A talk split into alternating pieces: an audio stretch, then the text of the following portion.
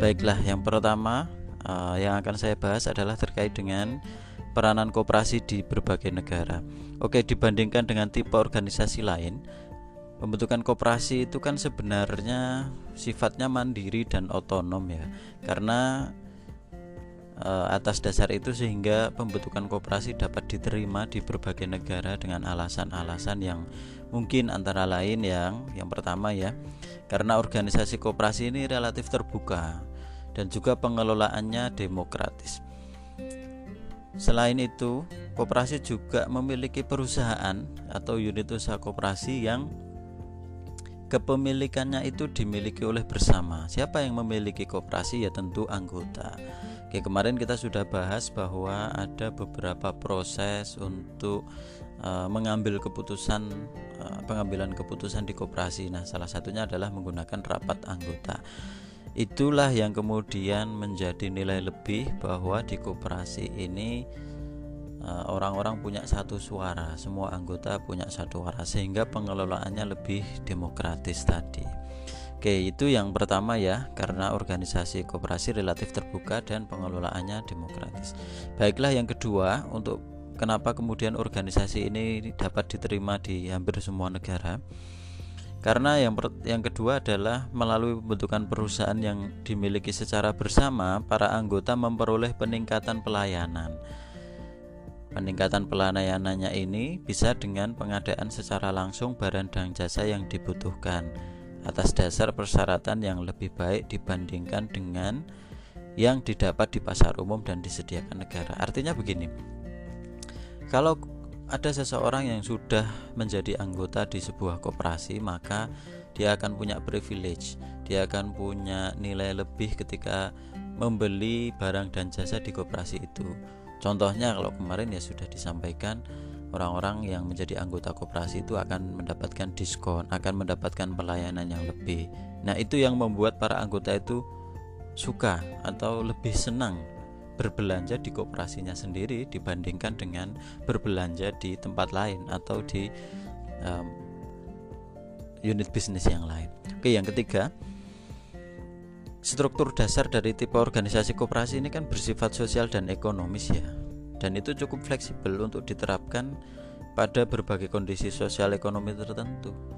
Contohnya begini, kalau di Indonesia, kooperasi kita kan punya uh, asas namanya asas kekeluargaan. Sehingga uh, setiap anggota itu menjadi keluarga dari koperasi itu dan tujuan fungsinya yang paling penting adalah mensejahterakan anggota. Ini tentu bagi orang-orang dengan penghasilan yang kecil dan penghasilan menengah ke bawah ini akan selalu sangat menarik sekali. Kecuali bagi orang-orang dengan penghasilan yang besar. Mungkin uh, mereka tidak terlalu tertarik kalau mau masuk di koperasi tapi bagi dengan penghasilan menengah dan kecil seperti contohnya misalnya buruh atau pekerja pabrik atau juga mungkin PNS yang gajinya pas-pasan bukan pengusaha loh ya itu mereka akan tertarik untuk masuk ke koperasi itu.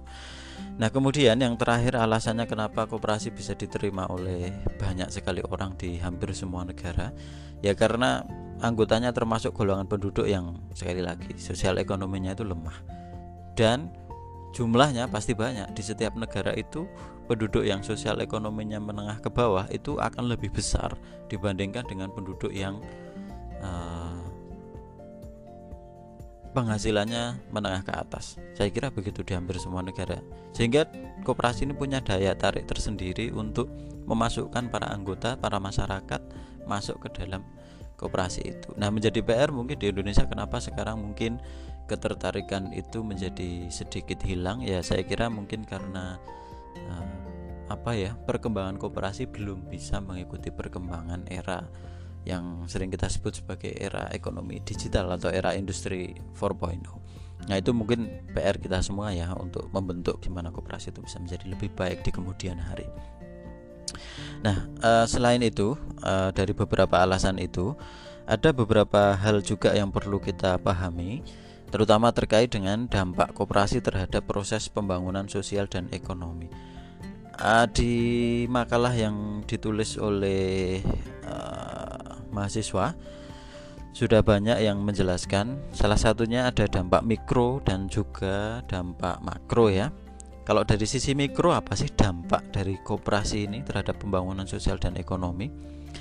Dampak mikro ini ada yang bersifat langsung dan ada yang bersifat tidak langsung. Nah, dampak mikro yang bersifat langsung terhadap para anggota dan perekonomiannya itu tentu uh, contoh yang paling real adalah eh, penawaran kepada para petani sebagai anggota misalnya kalau ini koperasi petani itu langsung berdampak secara mikro kan ya Contohnya begini, kalau kita menjadi anggota koperasi, itu mau tidak mau atau suka dan tidak suka, kita sebenarnya sudah disediakan banyak sekali uh, penawaran dari koperasi yang memang ditujukan kepada para anggota, sehingga anggota ini menjadi lebih mudah dalam mencari uh, kebutuhan-kebutuhannya.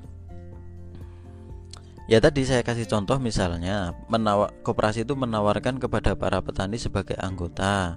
Kemudian jasa-jasa pelayanan yang meningkatkan secara efektif kegiatan usaha mereka melalui usaha perkreditan misalnya Atau pengadaan atau pemasaran atau konsultasi dan lain sebagainya.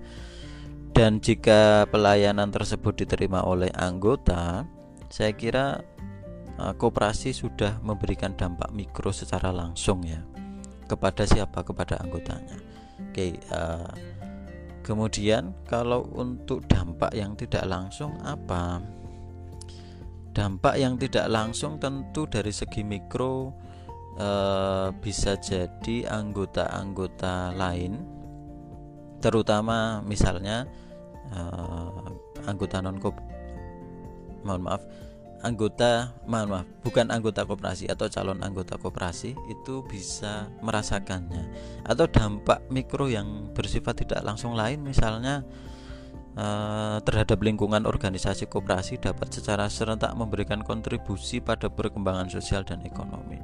Ya ini yang saya sampaikan tadi kalau dampak mikro langsung itu bisa dirasakan oleh anggota, maka dampak mikro secara tidak langsung itu dilakukan diterima atau di uh, dirasakan oleh masyarakat yang lain yang bukan anggota. Nah, gimana kemudian ini bisa dirasakan? Ya, saya kira banyak sekali contohnya ya. Dengan misalnya begini, kalau ada uh, koperasi kemudian memberikan dampak mikro secara langsung kepada anggota kan akan terjadi persaingan pasar kan ya.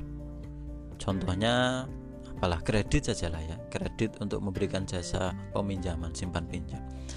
Ketika ada koperasi ada dampak mikro langsung yang dirasakan oleh anggota. Anggota akan merasakan bahwa ketika saya meminjam uang di koperasi saya mendapatkan mohon maaf misalnya bunga yang lebih rendah dibandingkan di bank Nah, ini dampak mikro langsung kepada anggota. Tapi dampak mikro yang tidak langsung kepada non anggota gimana? Nanti akan terjadi mekanisme pasar. Mekanisme pasarnya gimana? Bank kemudian akan melakukan uh, penyesuaian. Oh, di koperasi sana ternyata sudah menerapkan bunga serendah itu. Kalau saya tetap tinggi, mungkin banyak juga nanti yang akan menjadi anggota koperasi itu. Ya sudah saya akan menyesuaikan bunganya menjadi lebih rendah. Nah siapa yang merasakan dampak mikro secara tidak langsung ini? Ya nas calon nasabah bank tadi calon nasabah bank tadi yang bukan merupakan anggota koperasi dia akan merasakan uh, merasakan dampak mikro secara tidak langsung.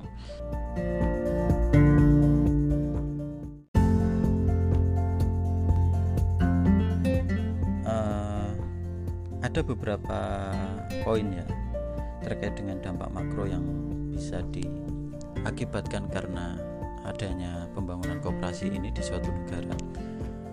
Yang pertama, poin pertama terkait dengan dampak makro. Kooperasi atau pembangunan kooperasi itu bisa memiliki dampak makro berupa pembangunan politik. Kenapa kok politik? Karena begini, di dalam organisasi koperasi itu kan mengajarkan pengelolaan secara demokratis. One man one vote gitu ya. Satu orang satu suara. Satu anggota punya satu suara. Mau tidak mau mereka akan biasanya nih melaksanakan musyawarah mufakat. Sehingga kalau tidak baru nanti kalau musyawarah mufakat belum bisa diputuskan maka kemudian diputuskan dalam bentuk voting.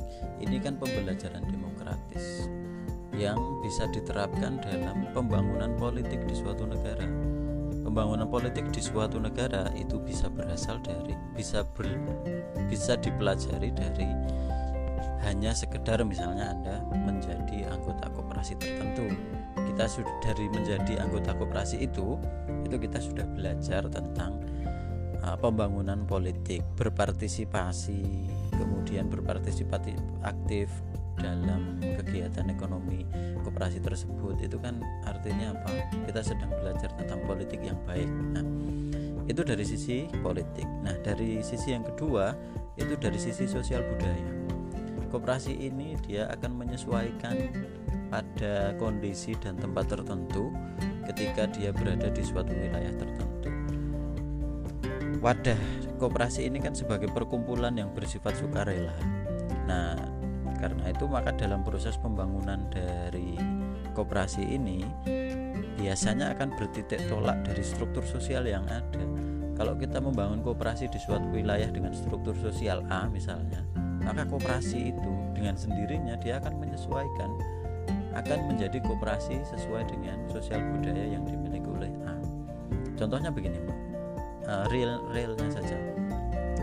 Uh, kita sedang berada di suatu wilayah Islami begitu atau di wilayah pesantren dan uh, anggotanya juga rata-rata uh, Muslim serta taat begitu. Sehingga ketika kemudian mereka sepakat untuk membentuk suatu koperasi secara langsung secara apa namanya ya baik secara langsung maupun tidak langsung mereka akan memilih ya sudah kita bikin kooperasi yang uh, akad-akadnya terbebas dari riba saja apa itu ya kooperasi syariah itu dengan sendirinya kalau kemudian kooperasinya berada di suatu wilayah yang misalnya non muslim ya dia akan menyesuaikan dengan wilayah itu sendiri nah ini kan sebuah apa ya sebuah dampak makro yang bisa memberikan suatu pengajaran kepada masyarakat terutama terkait dengan pembangunan sosial dan budaya.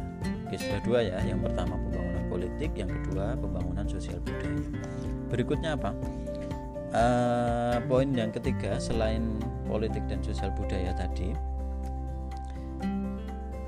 dampak makro yang bisa dirasakan itu adalah efisiensi pelayanan.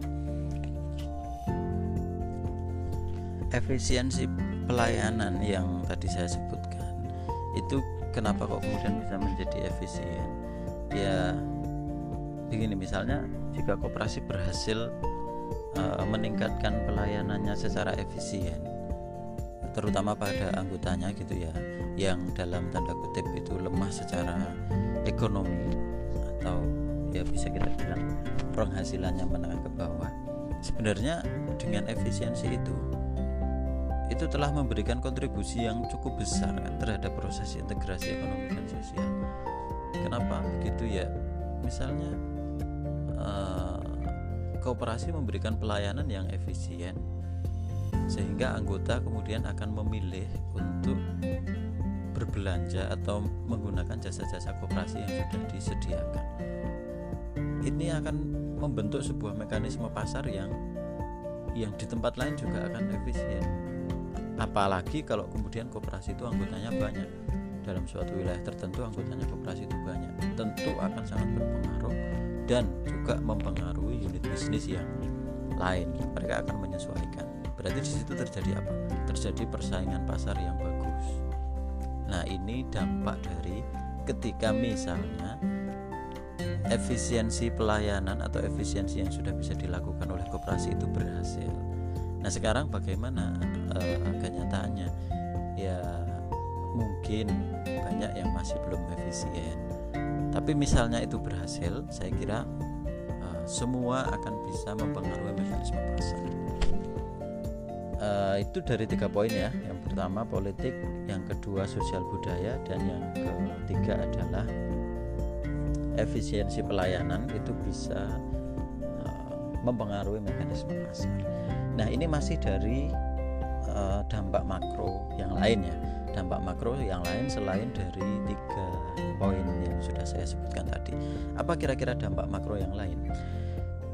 Dampak makro yang lain itu yang paling anu ya, yang paling terasa itu adalah proses perubahan sosial. Misalnya perubahan perilaku saja lah ya. Perubahan perilaku. Kalau dulu belum ada koperasi petani di suatu daerah itu menggarap lahannya secara tradisional, keuangannya secara tradisional, kemudian penjualan barangnya secara tradisional hanya akan dijual kepada tengkulak-tengkulak tertentu. Mereka tidak punya integrasi dengan petani-petani yang lain. Ketika kemudian hadir koperasi, mau tidak mau petani ini biasanya bersatu. Kenapa kemudian bersatu? Ya karena ada edukasi di situ paling gampang saja misalnya begini. Kalau petani itu individualis saya akan nanam padi sekarang. Petani yang B saya mungkin sebentar lagi lah belum. Jadi nanti proses tumbuhnya padi itu tidak sama. Nah ini siapa yang diuntungkan? Yang diuntungkan adalah tikus. Kenapa kok tikus? Ya gini misalnya. Oh ini petani A lagi panen. Oke kita makan petani A. Yang petani B belum nih. Ya ini udah kenyang udah habis. Oke kita pindah ke B. Lalu berikutnya lagi C oke kita pindah ke C ini tikus-tikus semua begitu. Ini karena apa? Karena tidak serempak begitu. Tetapi biasanya kalau kemudian ada dikelola suatu koperasi petani ini nanamnya kompak. Satu daerah misalnya berapa luas wilayah pertanian gitu. Itu kemudian nan nandur. Nandur itu apa ya? Ya menanam lah ya. Menanam itu kemudian bareng secara serempak. Dikerjakan bareng-bareng. Nanti biayanya dihitung bareng-bareng termasuk keuntungannya dihitung bareng-bareng nah nanti tikusnya bingung ini. Puanen puanen semua kan. Oke pas panen iya tapi kan masuk habis semua kan enggak nah tikusnya udah kenyang. Oke udah nggak mau makan padi lagi. Nah ketika udah lapar tikus ini panennya udah selesai. Semua sawah enggak ada yang punya apa nggak ada yang bisa panen. Ya dia akan mati sendiri karena harus nunggu tiga bulan lagi. Nah ini ya saya enggak bukan ahli pertikusan ya kira-kira begitulah ya. Kira-kira begitu. Perubahan pola pikir dari petani yang awalnya tradisional individualis itu dengan adanya uh, koperasi itu kemudian bisa menjadi lebih modern. Cara pikir lah minimalnya cara pikirnya sudah menjadi lebih modern. Dan itu dampak makronya apa? Ya tentu kan produktivitas padi lebih banyak harga akan lebih bersaing petani akan lebih sejahtera. Karena nanti pasti kalau sudah punya koperasi nanti pengelolaannya termasuk packagingnya dan lain sebagainya itu harganya akan harga jual dari produk itu akan lebih tinggi dibandingkan kalau kemudian dijual secara individualis kepada para tengkulak yang ada di desa-desa itu. Itu ya perubahan sosial. Nah poin yang yang lain apa terkait dampak makro ini? Diversifikasi struktur produksi misalnya. Perluasan usaha pengadaan bahan makanan dari bahan mentah. Kalau misalnya begini kalau petani tadi di suatu desa sifatnya masih tradisional itu kan paling maksimalkan jualnya jual gabah kan. Jual gabah ya sudah jual aja harganya murah. Atau agak mau usaha sedikit kemudian gabahnya itu dijemur sendiri diseleb sendiri nanti jualnya beras. Udah itu aja. Nah kalau ada koperasi nih biasanya mereka punya edukasi. Oke kita jangan sampai jangan sampai berhenti dari jual gabah saja. Kita punya selepan sendiri ya oke. Okay. bahkan nanti kita punya quality control sendiri untuk kemudian kita packaging yang kemudian itu sudah masuk pada kualitas ekspor atau kualitas yang bisa dijual di pasar-pasar modern di supermarket dan lain sebagainya. Itu kan harga jual petani menjadi lebih tinggi kan? Apa artinya kesejahteraan masyarakat akan lebih tinggi? Dampak makronya terasa.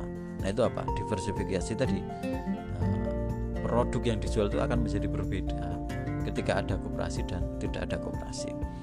Nah, lalu kemudian dari dua hal tadi tentu kan akan bisa meningkatkan pendapatan dan perbaikan situasi ekonomi para petani kan yang awalnya nggak ini nggak hanya petani saja semua yang ada dari struktur koperasi itu tidak hanya petani misalnya juga pengrajin atau pekerja lepas atau juga model-model yang lain kalau kemarin ada nelayan itu kan bisa juga bisa juga dalam bentuk seperti ini kan begitu.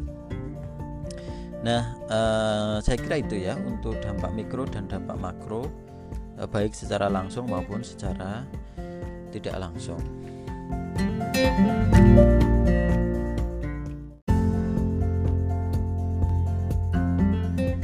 Uh, ketika kita bicara tentang kooperasi dan pembangunan sosial dan ekonomi itu mau tidak mau kita coba sebenarnya sistem ekonomi itu apa sih gitu ya? Ya yang kita tahu yang sering banyak ada di banyak literatur sistem ekonomi yang pertama pasti ya kapitalis ya.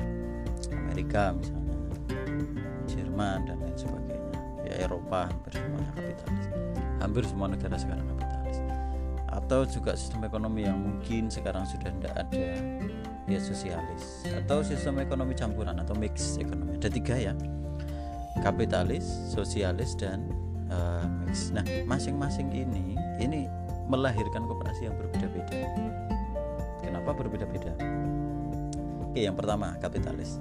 Kapitalis melahirkan ekonomi atau melahirkan sebuah kooperasi yang tanpa pengawasan murni uh, hadir dari anggota untuk anggota dan oleh anggota pemerintah sama sekali tidak ikut campur itu kalau kemudian kita tarik dari sosialis itu eh, maaf dari kapitalis itu melahirkan kooperasi yang seperti apa yaitu kooperasi yang sama dalam tanda kutip kooperasi yang kapitalis.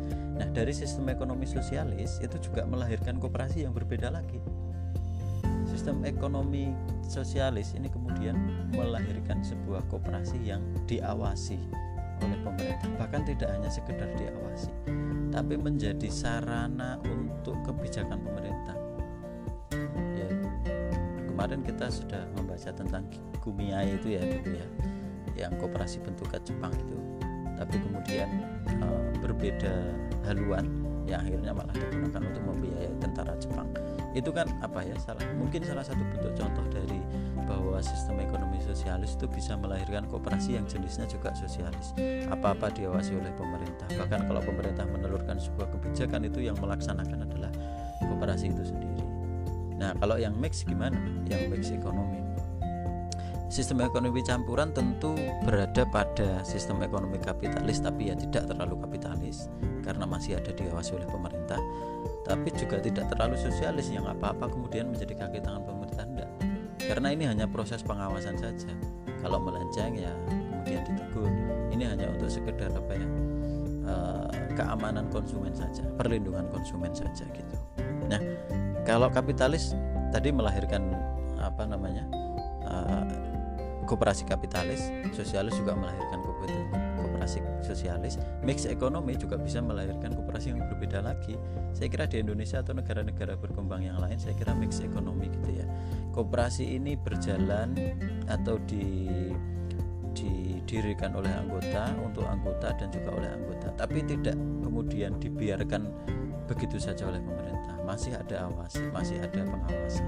Bahkan juga kalau di Indonesia masih ada uh, bantuan pemerintah untuk koperasi itu juga banyak uh, dana bergulir misalnya di Kementerian Koperasi dan UMKM itu kan sebuah bentuk uh, pengawasan bantu uh, pengawasan yang dilakukan oleh pemerintah tapi tanpa intervensi. Nah begitu tanpa intervensi. Ini mana yang baik? Ya tergantung saja tergantung lokasi saja. Kalau kita pilih mana? Ya tentu milih yang mis ekonomi tadi karena kapitalis murni juga tidak tepat di Indonesia. Sosialis murni juga kurang tepat juga di Indonesia. Oke uh, kemudian untuk pengembangan organisasi koperasi sebenarnya kemarin sudah sedikit kita bahas ya ada penggabungan-penggabungan secara sistematis. Ada juga untuk menunjang pertumbuhan yang bertahap dan lain sebagainya. Tadi saya sempat menyinggung terkait dengan bantuan pemerintah ya. Pemerintah itu kan sebenarnya bisa saja ya uh, jadi kalau di sistem sosialis bisa saja menginisiasi berdirinya koperasi. Nah sebenarnya ada ini poin terakhir ya terkait dengan apa namanya ekonomi ini. Ada tiga tahap sebenarnya. Bagaimana koperasi itu kemudian bisa uh, menjadi koperasi yang baik. Gini misalnya dalam suatu masyarakat itu kan kalau kemudian tidak diinisiasi oleh pemerintah itu kadang koperasi juga tidak jalan gitu ya. Artinya untuk mendirikannya aja susah kesadarannya masyarakat untuk mendirikannya saja susah.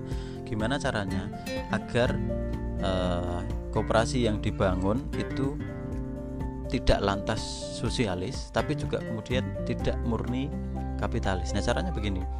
Pemerintah bisa melakukan tiga tahap utama. Yang pertama adalah ofisialisasi, yang kedua deofisialisasi, yang ketiga adalah otonom. Tahap pertama ofisialisasi itu ketika pemerintah kemudian mengumpulkan masyarakat, mendukung terbentuknya koperasi dan kemudian uh, difasilitasi lah begitu ya. Oke kita bentuk ini koperasi dalam suatu masyarakat tertentu kemudian dikasih bantuan dan lain sebagainya itu tahap ofisialisasi. Agar apa? Agar yang penting kooperasinya terbentuk dulu lah ya gitu. Yang penting kooperasinya terbentuk dulu sehingga nanti dengan sendirinya masyarakat akan bisa teredukasi oh ternyata pakai kooperasi itu lebih baik. Nah kalau kemudian masyarakat sudah merasa begitu kooperasi sudah terbentuk dengan inisiasi dari pemerintah tadi maka proses selanjutnya itu bisa dilakukan dengan deofisialisasi yaitu apa melepaskan kooperasi dari ketergantungannya kepada pemerintah. Nah, gimana caranya? Ya melepaskannya pelan-pelan gitu ya. Oh, ini koperasi sudah mulai bisa menghidupi dirinya sendiri. Ya sudah kita bantuannya kemudian dikurangi. Mereka sudah punya modal sendiri, ya sudah. Itu tahap deofisialisasi. Sampai pada tahap terakhir yaitu namanya otonom tadi. Perkembangan koperasi selanjutnya itu adalah sebagai organisasi yang mandiri dan otonom tanpa ketergantungan dari pemerintah meskipun pengawasannya dilakukan oleh pemerintah. Nah, kalau tiga tahap ini bisa dilakukan, saya kira kemudian pembangunan kooperasi bisa sangat masif di Indonesia. Kenapa kok kemudian sekarang tidak masif? Itu karena proses ofisialisasinya sedikit.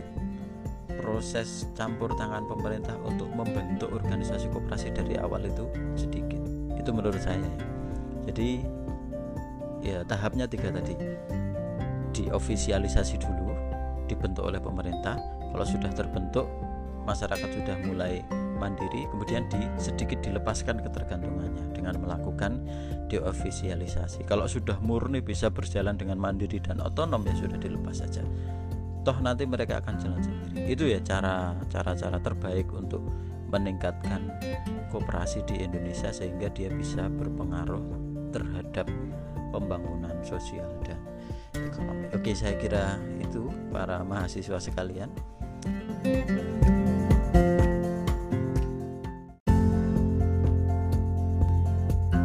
Terima kasih. Assalamualaikum warahmatullahi wabarakatuh. thank you